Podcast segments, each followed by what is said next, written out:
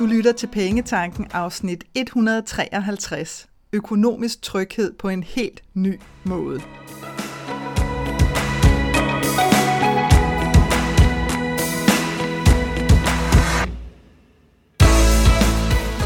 Velkommen til Pengetanken. Jeg hedder Karina Svensen.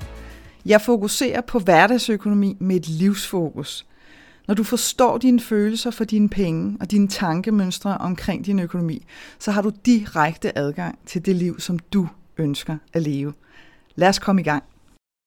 De velkendte økonomiske strukturer og autoriteter er en uddøende race, og heldigvis har jeg lyst til at sige. Tag nu bare for eksempel bankerne.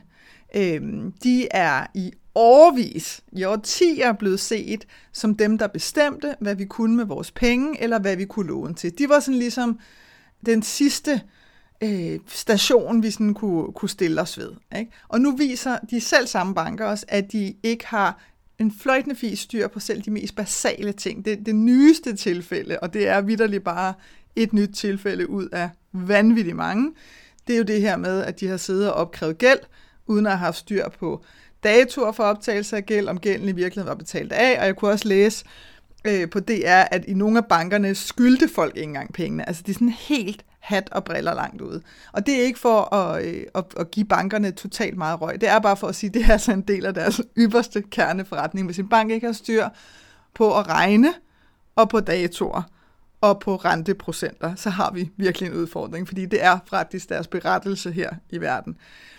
Vi kan også tage det offentlige, som er blevet set som eksperter til ligesom at formidle midlerne, men hvis vi kigger på sådan hele udbytteskatskandalen, eller nu for nylig det her med, hvor mange kommuner, der uberettet har trukket i ydelserne fra kontanthjælpsmodtagere, som de slet ikke har haft lov til, eller ejendomsvurderinger, som jo også er, er meget oppe, som også er sådan helt hat og briller beregnet i, i mange tilfælde, jamen, så viser det jo også bare, at også den autoritet er en helt anden, end hvordan den virkelige verden ser ud. Ikke? Altså, øh, vi betaler øh, stadig rigtig meget for vores varer i supermarkedet, på trods af, at inflammationen øh, har været faldende måned for måned. Og så kan det godt være, at der er lange forklaringer omkring, at jamen, det har ikke helt slået igennem endnu. Øh, og jeg har det sådan lidt, mm, not so much. Altså, den holder ikke i længden. Og et helt andet, virkelig skørt eksempel, det er de her med elselskaberne, som, som jo melder ud om sådan rekordstore overskud i nøjagtigt den samme periode, hvor forbrugerne har siddet med rekordhøje regninger. Og det kan godt være, at der også har været sådan noget, om vi har været bedre til at forhandle, og alt det der, det er super fint. Men, men lad os lige få lidt logik ind. Ikke? Altså lad os lige få lidt sådan helt almindelig sund fornuft og at opføre os ordentlig logik ind, i stedet for at det bare bliver sådan mere med mere på. Altså den der, den der sådan Wall Street-agtige grådighed, hvor at Michael Douglas han stod og sagde, greed is good, den er long gone. Altså, den holder ikke længere. Det, det er skørt med skørt på, og det er verden på hovedet. Og samtidig, så har du lige nu en mulighed for at skabe dig økonomisk tryghed på en helt ny måde, som er både bæredygtig og langtidsholdbar. Det er forrygende, og det er præcis det, som jeg gerne vil tale med dig om i dagens afsnit. Vi har i årtier haft en idé om, at autoriteterne omkring os, og det var, som jeg nævnte før, du ved, banker, det offentlige, elselskaber, hvad det nu end kan være, øh, advokater, for den sags skyld revisorer, du ved, altså dem her, de her autoriteter, som sådan har, har kunne påvirke vores økonomi på den ene eller den anden måde. Der har vi sådan haft en idé om, at, at de her autoriteter, de har haft meget bedre styr på vores økonomi, end vi selv har. Og det er jo selvfølgelig også en, en super lækker total ansvarsfraskrivelse for os selv. Ikke? Altså det her med at sige, at det, jeg, har simpelthen ikke, øh, jeg, jeg, jeg er simpelthen bare ikke så god til det med økonomi, og så bare give slip. Og, og hvis jeg skal give dig nogle sådan rent lavpraktiske eksempler, så kan du tage det her eksempel med feriepenge. Altså det her med, at man på et tidspunkt vedtager, at, at man lægger simpelthen dine feriepenge til side, fordi du er åbenbart ikke voksen nok til at få dem udbetalt, fordi så bruger du dem bare, og så kan du ikke holde ferie, fordi så skal du lige pludselig, så skal du så selv betale, hvis du holder ferie, og så går din økonomi åbenbart amok. Så, så det har vi så valgt at sige, at vi lægger simpelthen feriepenge til side. Og jeg ved faktisk ikke engang, hvad reglerne er lige nu, fordi det er mange år siden øh, efterhånden, at jeg har været ansat med feriepenge, så, så jeg ved faktisk ikke engang, hvordan det er, men jeg kan i hvert fald huske, at, at det ikke er så lang tid siden, man ligesom har haft op og vende om sådan og sagt, kunne vi måske bare droppe det der pis? Altså, kunne vi bare udbetale pengene til folk, og så må folk simpelthen selv finde ud af at administrere det. Og hvis ikke de kan finde ud af selv at lægge penge til side, jamen så er det rigtigt, når så de holder tre ugers ferie, så er det så uden løn. Øh, og det er så konsekvensen af ikke at gøre det. Ja, men hvad så, hvis de slet ikke holder ferie? Jeg tænkte, det tror jeg simpelthen heller ikke, man dør af. Men du ved, det er igen også det her med, vi er simpelthen nødt til at lægge magten over vores egen penge, der hvor den hører til, og det er altså hjemme hos os selv. Det er ikke ude hos alle mulige andre. Øh, og i dag der er det jo stadigvæk sådan, hvilket er en af mine kæpheste, som kan mildest talt pisse mig helt af. Det her med pension. Hvis du er ansat i en virksomhed, som har en pensionsordning, så kan du simpelthen ikke få lov til at vælge pension fra. Du kan ikke få lov til at sige, prøv at jeg har faktisk ikke lyst til at bruge x antal procent af min løn til at spare op til pension. Det har jeg simpelthen ikke lyst til. Det kan du få lov til. Med mindre, at du er ansat hos et ekstremt fremadsynet firma, som siger, selvfølgelig skal vi ikke gå ind og bestemme, om du skal have en pensionsordning eller ej. Og hvis du så vælger din pensionsordning fra, jamen, så er det klart, så kan firmaet jo heller ikke tilbyde den her procentdel, som de selv giver ind til pension. Det vil være ret skørt. Øh, så det er så din konsekvens af, at du vælger noget fra. Men det her med, at du ikke engang har valgmulighed, altså det her med, at du bliver tvunget ind i en pensionsordning, fordi nogen synes, at det er verdens bedste idé. Men, men hvad så for alle dem, som ikke kan se sig selv gå på pension? Der er det jo verdens dårligste idé, fordi de har ikke selv råderet over alle deres penge, al deres løn. Så, og lad mig give dig, jeg har sådan lyst til at give dig et par eksempler øh, på ting, som vi bare ikke har talt højt om, og det er altså for lige at få pillet, pillet de her autoriteter, altså de her historier, vi har fortalt os selv om de her autoriteter, vi er simpelthen nødt til at få pillet dem fra hinanden, fordi de er ikke sande. De har aldrig været sande, men vi har troet på dem rigtig længe. Øh, og et eksempel kan for eksempel være det her med, øh, at ja, bankansatte, altså bankrådgivere, de kan simpelthen godt ende til en kasse. De kan godt komme til en kasse, fordi at de har været stjerne dårlige til at, øh, at formidle deres økonomi, eller de er blevet ramt af nogle øh, livskriser, som har gjort, at de ender til en kasse. Fordi bare fordi, at du kommer til en kasse, så er det ikke nødvendigvis ens betydende med, at du ikke har haft styr på din økonomi. Der kan også være sket nogle sammenfald i dit liv. Det kan være, at du er blevet fyret, samtidig med, at du har fået en alvorlig livstruende sygdom.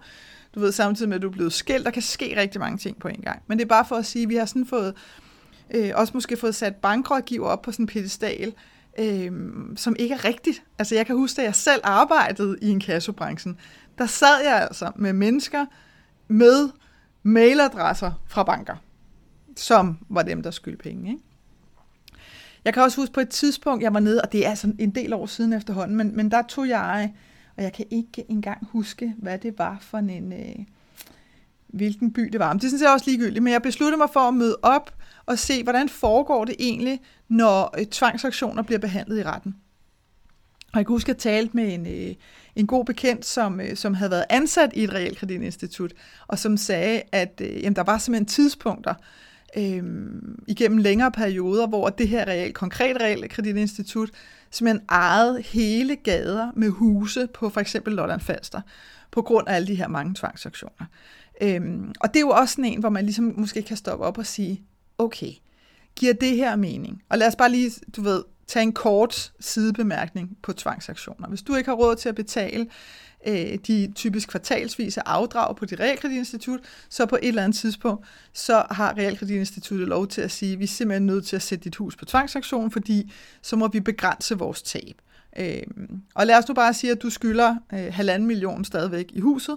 Jamen, det kommer ikke engang i nærheden af noget som helst af det beløb på en tvangsaktion. Altså, langt, langt mindre. Altså, det kan være et par hundredtusind max, øh, hvis du er heldig, at, øh, at Realkreditinstituttet kan få ind øh, på tvangsaktionen. Når tvangsaktionen så er, er fuldført, jamen så... Øh, øh, og, og det måske ikke engang er blevet solgt, fordi det sker også i rigtig mange tilfælde, ikke, at husene ikke bliver solgt, jamen så er det med mindre realkreditinstituttet er kommet en lille smule til fornuft, så er det altså dem, der sidder øh, og ejer det. Og det er også skørt, ikke? fordi et realkreditinstitut har ikke lyst til at eje ejendom, som der ikke bliver afdraget og betalt tilbage på. Det er simpelthen ikke deres berettelse her i verden. Men det sker, ikke? og det sker altså, hvor man skal prøve at måske øh, begynde at se på lidt andre briller, men det er en helt anden historie, som jeg kunne tale længe om. Det skal jeg så lade være med, fordi det handler om de andre, og det her afsnit, det handler om dig. Vi kan også kigge på det her med, hvis du bliver registreret som det, man kalder dårlig betaler. Der findes et par registre i Danmark, øhm, og, og det som sindssygt mange ikke ved, og det har jeg talt med rigtig, rigtig, rigtig mange af mine kunder om. Både nogen, som er blevet troet med at blive registreret, eller også som er blevet registreret. Og der er faktisk ingen af dem. Jeg sidder lige og tænker efter. Der er nul af dem, og jeg har talt med rigtig mange mennesker igennem tiden, som er klar over, at hvis du bliver registreret som det, man kalder dårlig betaler, så er det altså kun dig og det pågældende register, som ved, at du er registreret. Og hvis du har lånt penge af nogen, så får de også besked. Hvis de søger registret, så kan de godt få oplysninger om det, og det kan de, fordi at, at de jo selvfølgelig skal kunne risikovurdere, øh, at du nu er blevet en større risiko, fordi du er blevet registreret. Og hvis du ønsker at låne penge hos nogen, så har de også lov til at lave opslag i de register. Men det er altså ikke fordi, at din arbejdsgiver får at vide, at du står registreret. Eller at øh, den lokale tøjbutik ved, at du er registreret, eller at din nabo kan gå ind og se, at du er registreret. Der er ingen andre, der ved det. Og det er der sindssygt mange mennesker, der ikke ved. Og det er ved Gud heller ikke noget, som, øh, som de forskellige register øh, flasher med. Fordi man har lyst til, helt ærligt, man har lyst til, at at du skal have en tro på, på noget andet. Man har lyst til, at du skal tro på, at hele verden nu ved, at du er registreret som såkaldt dårlig betaler, fordi så føler du dig forhåbentlig så presset, at, at så finder du midlerne, og de er fløjtende ligeglade med, hvor du finder midlerne fra, fordi hele deres berettelse, det er, at de kan gå ud som register øh, til virksomheder og sige, her vi har alle øh, Danmarks dårlige betalere registreret her hos os, og så kan du bruge det som opslag for at se, om du vil øh, låne dem penge eller give dem kredit på nogen som helst måde. Så der er, der er så mange informationer, som er derude, og de kommer bare ikke frem. Vel? Altså, øhm, fordi de har ikke passet ind i den her historiefortælling om, at, at der er nogle få, som har skulle lede de mange. Ikke? Og i, igen, i lange, lange, lange perioder, der har det ultimativt for os privatpersoner været bankerne. Det virkelig fede er bare, og, og jeg har også lyst til at sige, øhm, faktisk ret komiske, det er det her med, at, at det bliver så tydeligt for os, at vi har lagt magten over vores økonomi ud til nogen, som simpelthen ikke kan finde ud af at administrere øh, det sådan autoritære ansvar, vi har givet dem. Altså, det, det er så komisk nu. Ikke? Altså igen, hvis du tager det seneste eksempel med, med bankerne, og det er altså alle de store banker, ikke? Som, øh, som alle sammen har haft problemer med, jeg bliver simpelthen nødt til at grine, fordi det er så kampkomisk. De har haft problemer med, at de har opkrævet gæld hos deres kunder, som de ikke skulle have opkrævet. Og hvis du tænker på, hvad er en banks kerneforretning, så skal en bank kunne regne, ja tak, det vil være dejligt. De skal kunne finde ud af at sætte nogle datoer, og de skal kunne finde ud af at definere nogle procenter. For eksempel når de gerne vil have renter eller diverse gebyrer. Det kan de simpelthen ikke finde ud af. Altså det kan de simpelthen ikke finde ud af. Og det fedeste er næsten svaret, som hedder, det beklager vi. Punktum. Altså der er ligesom ikke rigtig, der er ikke rigtig nogen yderligere konsekvens. Og det er altså de her øh, autoriteter, som vi sådan har set som den der, min bank, altså den her sætning har jeg hørt til hudløshed, min bank har sagt nej, så så kan det jo ikke lade sig gøre. Hvor det er sådan lidt, what are you fucking kidding me? Undskyld. Vi må simpelthen ikke lægge ansvaret for vores økonomi uden for os selv. Det er slut med det. Altså, og, og det, der sker, øh, det viser os bare mere og mere tydeligt, at det er virkelig slut med det. Så hvis du fortsætter med det, jamen så bliver du bare vivlet ind i flere af de her historier. Ikke? Så det er altså nu, hvor at du skal have hævet al magten tilbage over din økonomi. Helt over på din egen banehalvdel. Og det betyder altså også, at hvis der er noget, du ikke forstår, altså hvis du får nogle papirer, hvis du får en mail, hvis du får nogle opkald og tænker, jeg forstår simpelthen ikke, hvad der bliver sagt, så er det død pigen dit ansvar at sikre, at du forstår, hvad det er, der bliver sagt, at du får det på skrift, præcis som du har forstået det, og at du ikke siger ja eller nej til noget som helst, som du ikke kan forstå. Og jeg er sådan set ligeglad med, om du skal spørge 100 gange. Fordi der er også bare noget galt hvis personen i den anden ende ikke formår at forklare det for dig på en måde, hvor det giver mening for dig.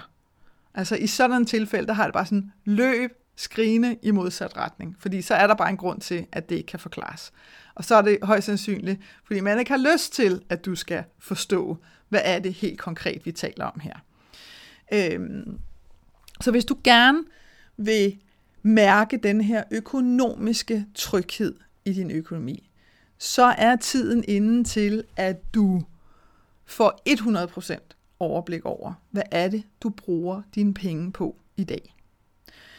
Og jeg plejer at give sådan et eksempel med, du ved, hvis du står i et indkøbscenter, altså de her øh, shoppingcentre, øh, og, det, og du har aldrig været i det her center før, og du skal finde en matas. Der ligger sgu altid en matas i de der centre, ikke? Så finder du sådan en oversigtsplan. Enten så vandrer du hvileløst rundt, ikke? og så bliver du træt. Eller også så finder du sådan en oversigtsplan, og så leder du efter, du ved, den her røde plet, eller grønne stjerne, eller hvad det nu er, som, hvor du sådan nedenunder, der, hvor der den står, her står du. Ikke? Så du får ligesom dit udgangspunkt.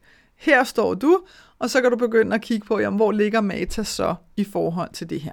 Og det er nøjagtigt det, der sker, når det er, at du får 100% overblik over, hvad er det, du bruger dine penge på. Og løsningen til det, det er en budgetskabelon. Men vær sød og vælg en budgetskabelon, som rent faktisk giver mening. Og som ikke beder dig om at udfylde alt muligt knald, som er fløjtende ligegyldigt. Jeg har lavet en budgetskabelon. Den finder du inde på kenddinepenge.dk under emnet til dig. Den koster dig 0 kroner. Du bliver skrevet op til min nyhedsbrev. Det kan du afmelde dig, hvis du synes, at det er noget pjat, jeg snakker om. Og så har du din egen budgetskabelon. Men please, please, please, start nu der. Altså virkelig. Og få det gjort. Og det kan godt være, at der er sådan en indre teenager, der lige nu baller amok og siger, ah, men jeg kan ikke finde ud af det, eller jeg orker det ikke. Det er fint. Gør det alligevel. Virkelig. Altså. Fordi før du har det overblik, der, du kan ikke rigtig komme nogen vej. Vel? Altså igen, det svarer til, at du bare starter med at begynde at vandre rundt i de der shoppingcenter. Ikke? Og når dagen er gået, så har du stadigvæk ikke fundet Matas, fordi du bare vandrer hvileløst rundt. Ikke? Så lad være med at gøre det sværere for dig selv end højst nødvendigt, Få nu bare udfylde den budgetskabelon og få set, hvad filerne er det, pengene går til. Og prøv at se, om du kan gøre det så følelsesløst som muligt. Fordi hvis du ovenikøbet også skal bruge tid på at sidde og slå dig selv oven i hovedet på, hvad det er, du bruger dine penge på, så forlænger du bare tiden, det tager at lave et budget. Du skal også erkende over for dig selv, at det her med at sidde og bebrejde dig selv, uden at handle anderledes, det er altså virkelig skørt at fortsætte med.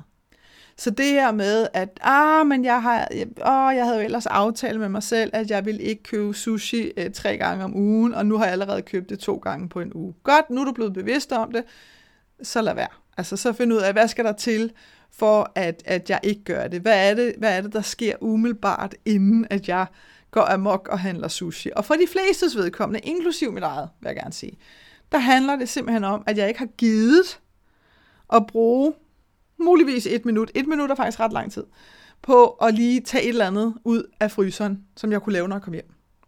Og det skal vel og mærke være noget, man har lyst til at lave, ikke? fordi det er det næste problem.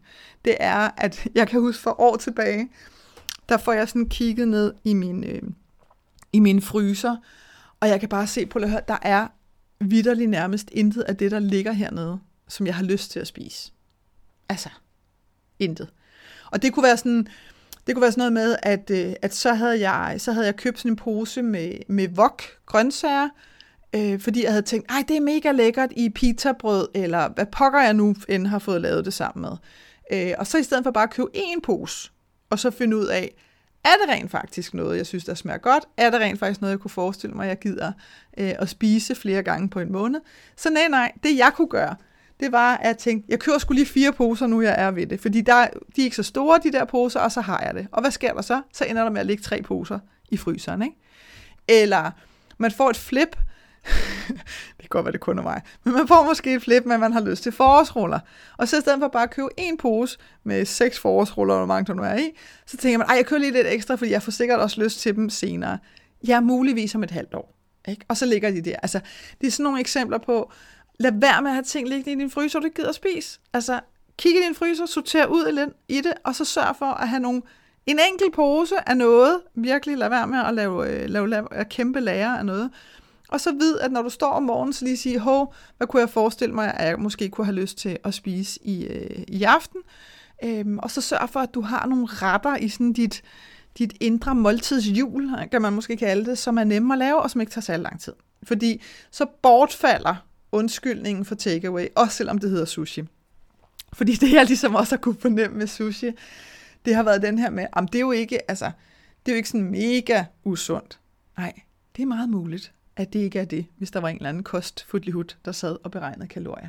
Men det koster kassen. Ikke? Og hvis du har lyst til at komme mere på ferie, eller du har lyst til større frihed i ditten, dutten, datten, så kan det bare ikke nytte noget, at du brager 1000 kroner af om ugen på at spise sushi.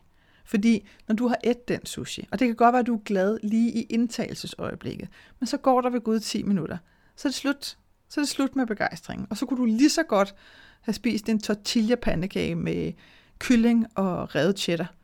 Ikke? Altså, jeg er sikker på, at du forstår, hvad jeg mener. Så når du bliver bevidst om noget, så lov, altså lov dig selv, at du handler. Så løsningen her, det er altså, at du justerer det. Ikke? Hvis du er villig til at bruge 1000 kroner om ugen på sushi, det er perfekt. Prøv at gør det for fileren der, if it makes you happy, der skal bare være plads til det i dit budget, så så skal du gøre plads til det i dit budget. Så skal du sætte 4.000 kroner af i dit budget. Ellers så bliver det jo bare sådan varm luft, og så lyver du over for dig selv. Så det her med sådan, jeg har jo ikke lyst til at bruge, nej, men så skal du også lade være med at gøre det. Og, og, og det kan være nemt nok at sige, jamen, du kan bare sige, at jeg skal lade være med at gøre det. Nej, så bliver vi nødt til at tænke på, hvad er det, der leder op til? Hvad er det, der gør, at jeg igen og igen står i den her situation? Og hvordan kan jeg så ændre den situation, der leder op til? Hvordan kan jeg gøre det nemmere for mig selv at lade være med at gentage de her mønstre? Øhm, der er også noget med, at stå af det her hamsterhjul med at købe og købe og købe og købe, bare fordi. Altså det her med nyt, nyt, nyt, nyt, nyt, bare fordi. Ny mobiltelefon, bare fordi der kom en ny version. Nyt tøj, bare fordi der landede noget nyt i tøjbutikkerne. Og så har der jo været sådan en, en, øh, en modbevægelse, har jeg næsten lyst til at sige, som handler rigtig meget om, så kører vi på genbrug. Skide godt. Men det er jo ikke skide godt, hvis du så alligevel står ned og køber, køber, køber, køber, køber. Det kan godt være, at det er færre penge, men, men dit mønster er stadigvæk det samme. Ikke? Og det er mønstret, du har lyst til at tage fat i, fordi prøv at spørge dig selv, hvis jeg, hvis jeg stiller dig selv det her spørgsmål, så prøv lige at mærke efter. Har du lyst til at blive fanget i et mønster, som du ikke kan komme ud af? Eller har du lyst til fuldstændig 100% selv at bestemme fra gang til gang, hvad du har lyst til at bruge dine penge på, og hvornår? Og så håber jeg ikke, det er svært at svare på, vel? fordi langt de fleste mennesker, og i hvert fald alle dem, der lander hos mig, de har lyst til det sidste. Og så kan man have brug for hjælp til det, og det kan jeg godt forstå. Øh, og det er blandt andet også derfor, folk kommer til mig. Det er blandt andet også derfor, jeg har sessioner. Fordi for mange, der handler det faktisk om at få stoppet de her mønstre. Og for at stoppe dem, så er vi faktisk lidt tilbage til, til det, jeg beskrev før, det her med, at vi er simpelthen nødt til at forstå, hvad sker der op til. Øhm, og det kan være svært selv øh, at lave den tankeproces nogle gange. Mest af alt også, fordi vi har sådan et ego, der har lyst til at modarbejde og tænke, du skal ikke begynde at finde ud af det her, fordi vi har lyst til at blive ved med det, vi gør, fordi det føles trygt. Og så er det, folk kommer til mig og booker en session, eller melder sig ind i min medlemsklub. Fordi nu skal der altså ske noget andet. Så en løsning her for dig kan være, simpelthen at indføre total købestop i en periode på alt andet end mad og toiletpapir. Øh, fordi øh, bare all means, det skal du ikke undvære. Men simpelthen for at få øjnene op for, hvad er det, jeg bliver ved med at købe? Fordi nogle gange kan det være så ubevidst, at du faktisk først opdager det, når du kigger på dit kontoudtog. Så det handler simpelthen om, at du står ved din magt over dine penge og din økonomi. Fordi det er dine penge, og det er dig, der bestemmer. Så det er for eksempel også dig, der bestemmer, om du har lyst til at bo på et værelse hos en anden, selvom du er 56, fordi du til gengæld øh, rigtig gerne vil ud og rejse rigtig meget, øh, flere gange om året på nye eventyr, og derfor bare ikke har lyst til at bruge særlig mange penge på bolig. Og, og her der vil der jo være, sådan rent samfundsmæssigt, der vil der jo gå alt muligt i gang, og det er også derfor, at løsningen her kan være svær, fordi vi kan have sådan et fokus på andres holdninger til os. Øhm, så det her med, at jeg er jo 56, altså jeg kan ikke bare bo på et værelse, og hvis jeg bor på et værelse, så må jeg da være, øh, så må jeg da være en fiasko. Og samtidig, så ser jeg, og jeg bliver sådan helt glad i lampen, så ser jeg jo også folk, der køber en camper og hjerner rundt. Øh, også øh, efter, nu er det ikke fordi 56 er en høj alder overhovedet, men, øh, men også langt op i årene, og som ligesom har sagt, prøv lige at høre, jeg har lyst til noget andet. Jeg kan også huske, der kørte på, på Netflix på et tidspunkt med, med de her tiny houses i, i USA, og hvor der også var flere ældre ægtepar, der bare havde sådan lidt, ved du hvad, vi gider simpelthen ikke. Vi gider simpelthen ikke øh, at have så mange udgifter på vores bolig. Vi vil hellere nogle andre ting. Så, så det er her, og, og det er muligt, altså det er vidderligt muligt, men det kræver, at du tør at give slip på at tilfredsstille andres holdninger til, hvordan at du lever deres liv. Og jeg har sagt det masser af gange før, og jeg gentager det gerne, at andre mennesker kigger på dig, og det gør de i et nanosplit sekund. Og så kan det godt være, at de synes alt muligt, og det gør de så også kun i et nanosplit sekund. Virkelig. Altså. Og så er de videre. Så igen har du lyst til at lade de her nanosekunder i andres bevidsthed stoppe dig fra det, som du selv har lyst til. Øhm, og den er svær. Altså, den er, ikke, den, den er ikke nem. Og jeg har også masser, når jeg begynder at grave ned i det, øh, jamen så har jeg også alle mulige blokeringer på det der med, hvad andre mennesker kunne synes og tro og mene om, hvordan at jeg lever mit liv, og hvordan jeg gør det. Øh, så, så jeg er helt med på, at det ikke bare er sådan en, uff, det, det gør du bare et ruf, men til gengæld så skal du også vide, at det kan gøres. Øh, og det kan også gøres, uden at du behøver at blive ramt af alvorlig sygdom, eller sådan andre kæmpe store livskriser, som altså er det, som ofte nærmest er det, der kan føles som om er nødt til at ske, før vi rent faktisk vågner op. Øhm, og jeg lavede et podcast-afsnit, nu kan jeg ikke lige huske, hvad afsnit det er, men det er ikke så frygtelig lang tid siden, som jeg valgte at kalde, hvis du huskede, at du skal dø. Øhm, og det lyder jo lidt dramatisk måske, men det er rent faktisk den her tanke om, at, at hvis du mindede dig selv om det, at livet er ikke uendeligt her, den her gang i hvert fald. Så kan det være, at vi tror på, at vi kommer tilbage. Men det her liv, det får vi ikke tilbage, øh, som vi lever og er i lige nu. Så, så hvis du ligesom tager det perspektiv på, er der så nogle ting, som du har lyst til, men som du faktisk ikke rigtig tør sætte i gang, fordi hvad nu hvad andre mennesker synes og tænker og mener. Øh, fordi livet er simpelthen for kort til det. Altså virkelig. Så så det her med at forstå, og, og der skal man selvfølgelig også definere, hvad ligger der i økonomisk tryghed. Og jeg kan sige for mit eget vedkommende, så er det faktisk trygheden ved, at jeg forstår 100% hvad er det, mine penge går til. Altså, jeg er helt med. Jeg ved det.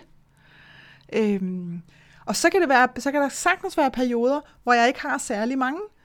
Øh, og så må jeg vurdere og justere og sige, jamen, er der nogle udgifter her, som jeg er som jeg er villig til at slippe. Og jeg havde jo, og hvad er det? Øh, så dårligt de der tidspunkter. Ikke? Nu har jeg snart lyst til at sige tre år siden. Der flyttede jeg jo i en mindre lejlighed sammen med min skønne mand, fordi vi kiggede hinanden i øjnene, og, og det handlede faktisk om, at vi kiggede på hinanden og sagde, no way, om vi gider at bruge så mange penge på vores boligudgifter. Der er simpelthen andre ting, vi hellere vil. Øh, og specielt andre ting, vi hellere vil opleve. Så der downsized, altså vi downsized big time. Og det var mega fedt fordi vi havde ikke brug for mere. Så, øh, så det behøver ikke at være forbundet med kæmpe stor smerte, eller ej, det er også bare nederen, at nu er vi nødt til at flytte, eller nu er vi nødt til at ditten, dutten, datten. Det er det her med at vide, prøv at høre, jeg ved præcis, hvad mine penge går til, og hvis jeg træffer nogle beslutninger, jamen så ved jeg også, hvordan jeg, jeg kommer til at justere det i min økonomi. Så det er altså det, der ligger i økonomisk tryghed for mig. Det kan være, at det ser anderledes ud for dig, så laver du din egen definition, og det kunne i virkeligheden være en rigtig god idé, at du får defineret over for dig selv, hvad er økonomisk tryghed for dig. Fordi øh, nu havde jeg for eksempel, jeg kom til at tænke på, at jeg havde en, en virkelig skøn medlemssamtale her øh, for et par uger siden med et medlem af Dare to Dream Club, som er min medlemsklub. Og derinde, der er der, der har man sådan mulighed for på nogle udvalgte tidspunkter hver måned, så kan man booke en 30 minutters samtale, øh, som er en del af ens medlemspris. Og, og den her skønne kvinde, hun havde et mønster, som hun sindssygt gerne ville bryde, og hun blev bare ved med at gentage det i et væk, og hun havde simpelthen så svært ved at få stoppet det.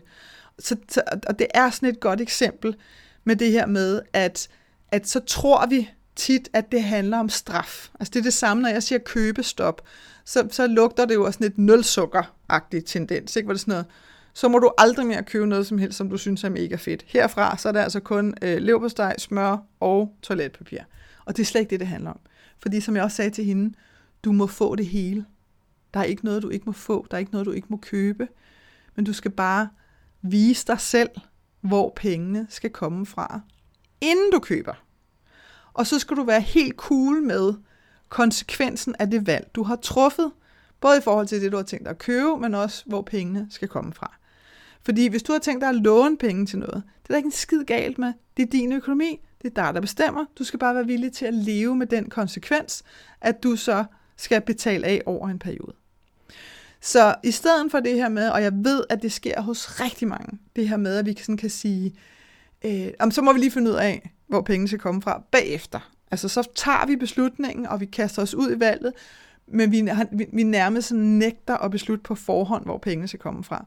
Fordi, tror jeg, tit så er det sådan vores indre teenager, der er i gang der, fordi hvad så hvis svaret hed, det kan jeg faktisk ikke svare på, hvor pengene skal komme fra, så derfor kan jeg ikke få det lige nu. Og det, den er vi del med ikke glade for. Og, og i den forbindelse, så har jeg sådan egentlig lyst til at binde det lidt sammen med, hvis, vi, hvis du tænker på, hvordan at vi har fået lagt magten over til de her sådan, økonomiske autoriteter, som jeg talte om før. Ikke? Banker, offentlige instanser osv. Øhm, jamen så er det lidt som om, at, at, at vi har brugt dem som vores forældre. Og så har det ligesom været dem, der har, sådan, har skulle være de fornuftige på vores vegne. Og så har vi kun kunne tillade os at rende rundt og være sådan lidt teenager og, og barnlige omkring vores økonomi, fordi det har vi ligesom kunne sige, om jeg har ikke styr på det. Øh, og den går bare ikke. Altså, den går simpelthen ikke. Igen, fordi prøv at se på, hvordan de forvalter midlerne. Altså, det, det går ikke. Det, det går virkelig ikke, fordi de kan ikke finde ud af det. Altså, og der er en grund til, at det bliver så tydeligt, og det bliver så tragikomisk. Det er simpelthen for at få dig til at rejse dig og sige, okay, nu tager jeg den. Øhm, så det jeg sådan har lyst til at sige til dig her afslutningsvis, det er, lad være med at blive ved med at lyve for dig selv.